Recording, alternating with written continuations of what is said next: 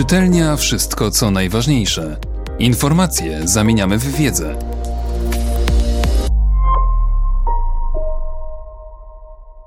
Marcin Jakubowski Polska. Marnowanie czasu wspólnego. Siedzę w samolocie na trasie Berlin-Boston. Lecę na sympozjum poświęcone Aiterowi, jednemu z największych wyzwań ludzkości, eksperymentowi, który pozwoli nam tu na Ziemi ujarzmić energię gwiazd.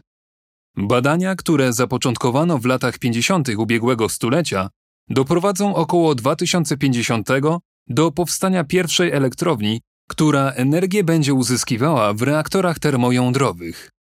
Ja skończę wtedy 75 lat. Wielu moich kolegów i znakomitych poprzedników nie będzie już wtedy żyło. Stulecie. Tyle trwa wdrożenie tak szalonej wizji, jak uzyskiwanie energii, tak jak robią to gwiazdy. Kiedy wyrobisz sobie w końcu niemiecki paszport? Pyta mnie R. Tu nie ma przyszłości, nie wrócisz przecież już do Polski. Po co mi niemiecki paszport? Pytam. Na naszym polskim przecież mogę tutaj normalnie funkcjonować. A bo to wiesz, co będzie za 10-20 lat? Prawda, nie wiem. Najgorsze, że chyba nikt tego w Polsce nie wie. Co będzie za 10-20 lat? Kim będziemy w 2030? Jaka jest nasza wizja na następne 50 lat? Czy Polska będzie wtedy bezpieczna? W ogóle co chcemy, musimy zrobić, byśmy byli wtedy bezpieczni? Czy ktoś wie? Ja nie wiem, a z gazet od polityków nie jestem w stanie się tego dowiedzieć. Wiem za to, że poseł H upił się, poseł W naubliżał policjantom, a jeszcze inny zostawił żonę. Śledząc coraz mniej chętnie polską politykę, obserwuję nieustający karnawał coraz marniejszych happeningów politycznych, organizowanych pod rękę z coraz bardziej upadającą na pysk polską prasą. Nagłówki gazet, zamiast wciągać w debatę, angażują nas w wojnę plemienną, gdzie z jednej strony barykady siedzą Kaczyński z Rydzykiem, a z drugiej strony Tusk pod rękę z Putinem. Obraz rzeczywistości już tak przerysowany, że nie ma już chyba nic wspólnego z rzeczywistością, tą, którą znamy z za okna. Co gorsze, odnoszę wrażenie, że większości to odpowiada proste wizje podstępnego Tuska i zawistnego Kaczyńskiego. Polityka dla jaskiniowców sprowadzona do jaskrawych, prościutkich klisz. Marcin, czy wyrobiłeś sobie w końcu niemieckie obywatelstwo? Pyta K.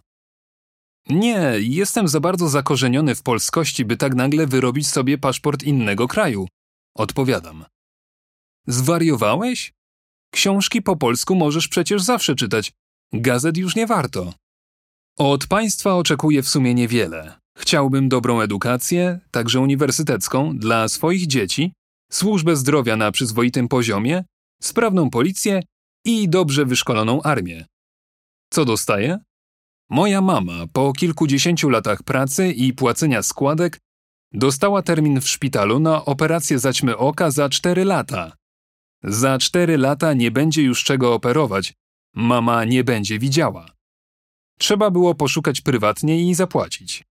Dobrze, że miałem jakieś oszczędności. Gdy mój dwuletni synek złapał w Polsce grypę jelitową, nie chciano go przyjąć do szpitala, bo nie było dokumentu, gdzie czarno na białym stało, że jest ubezpieczony. W Niemczech dzieciom nie wolno odmówić przyjęcia do szpitala, nawet tym z ulicy. Rodzic takiego malucha ma w Polsce wyproszony przywilej siedzenia przy nim całą noc na drewnianym krześle. W Niemczech ma prawo do pobytu razem z maluchem w szpitalu i prawo do łóżka tuż obok swojego dziecka. Oczywiście, że zdaję sobie sprawę, że budżet NFZ-u to mały ułamek niemieckiej służby zdrowia, Czego nie rozumiem, to przyzwalanie na istnienie systemu upodlania ludzi, których nie stać na prywatne leczenie w dobrych warunkach. Po co ty chcesz tu wracać? Nie ma do czego. Mówią mi H, którzy po latach emigracji wrócili do Polski. Na pewno nie jest tak źle. Ripostuje nieśmiało. Tak źle to może nie, jest po prostu o wiele, wiele trudniej. Ona, po doktoracie w topowym instytucie naukowym w Niemczech. On nauczyciel. Postanowili zrealizować swoje marzenie, którym było życie w Krakowie. Po latach w Niemczech postanowili wrócić nad Wisłę. Ona dostała etat na krakowskiej uczelni, on zaczął szukać pracy w szkole, dzieciak do przedszkola. Odrzucili świetną propozycję z Monachium na rzecz Krakowa. Przecież krakowska uczelnia jest jedną z najlepszych w kraju, ma świetnie wyposażone laboratoria. A dobrych szkół tam nie brakuje, na pewno znajdzie się praca dla dobrego, zaangażowanego nauczyciela. Pół roku później zdali sobie sprawę, że ugrzęźli po kolana w polskim kiślu, jak to określa Rafał Ziemkiewicz. Można prawie wszystko, tylko że kosztuje to zbyt dużo wysiłku. Ona w Niemczech zajmowała się badaniami na światowym poziomie. W Polsce zajmuje się wypełnianiem wniosków o granty i zajęciami dla studentów, wszak pensum płacone jest od liczby zajęć. Przygnieciona codziennością, świetnie wyposażonego laboratorium nie widziała od kilku miesięcy. On, dobry nauczyciel, nie może znaleźć sobie etatu na stałe, wszystko jest już obstawione przez rodziny i znajomych królika. Chcą wyjechać z powrotem przy pierwszej lepszej okazji i nie wracać już. Nigdy. Problemem nie jest tylko system. Problemem jest też to, że nie szanujemy się nawzajem, swojego czasu, swojej pracy. Marnujemy potencjał młodych, mądrych, wykształconych, których notabene nie mamy tak wielu. Każdy młody polski naukowiec na pewno nieraz usłyszał już podobne zdanie. Czego wy chcecie? Przecież macie czas. Ja w waszym wieku byłem tylko w Czechosłowacji i pracowałem na maszynie do pisania. Nie mamy czasu. Isaac Newton, jak wielu innych naukowców, swoje największe odkrycia dokonał przed trzydziestką. Marcin, po co to się w to angażujesz? Pyta się mnie K. Masz wszystko, co trzeba w Greifswaldzie. Rób sobie badania w tej Japonii. Ale przecież tutaj też można. Odpowiadam, ludzie są równie zdolni co w Japonii. Sam kiedyś spróbowałem nawiązać współpracę naukową z Polskim Instytutem, trochę z poczucia obowiązku, wszak wykształcony jestem w Polsce, trochę z sentymentu do stron ojczystych. Termin dawno uzgodniony, loty opłacone, hotele porezerwowane, a tymczasem dostaję wiadomość na dzień przed. Przepraszamy, nie ma głównego inżyniera, zasilacze nie są podłączone, eksperyment nie odbędzie się. Na tym zakończyłem współpracę z polską grupą. Nie mam na tyle czasu, by go marnować na niepoważne traktowanie. Szanujmy się nawzajem. Jutro zaczyna się sympozjum zorganizowane przez MIT w Cambridge na temat syntezy termojądrowej, którą naukowcy z całego świata badają już od 70 lat. Krok po kroku, systematycznie, wysiłkiem setek ludzi, jesteśmy coraz bliżej szalonej wizji ujarzmienia gwiazd na Ziemi. Także my, jako wspólnota, potrzebujemy wizji, kim chcemy być.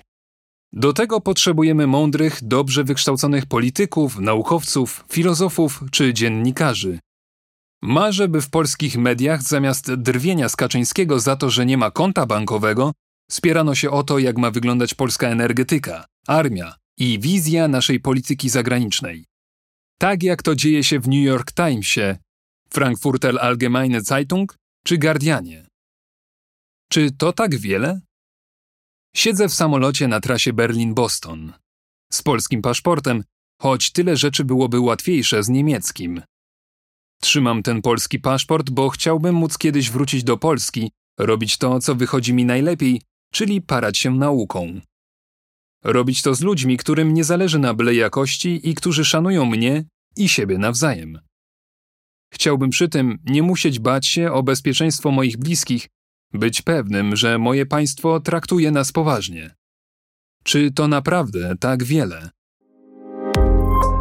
Czytelnia Wszystko co najważniejsze. Czytał Mateusz Mleczko.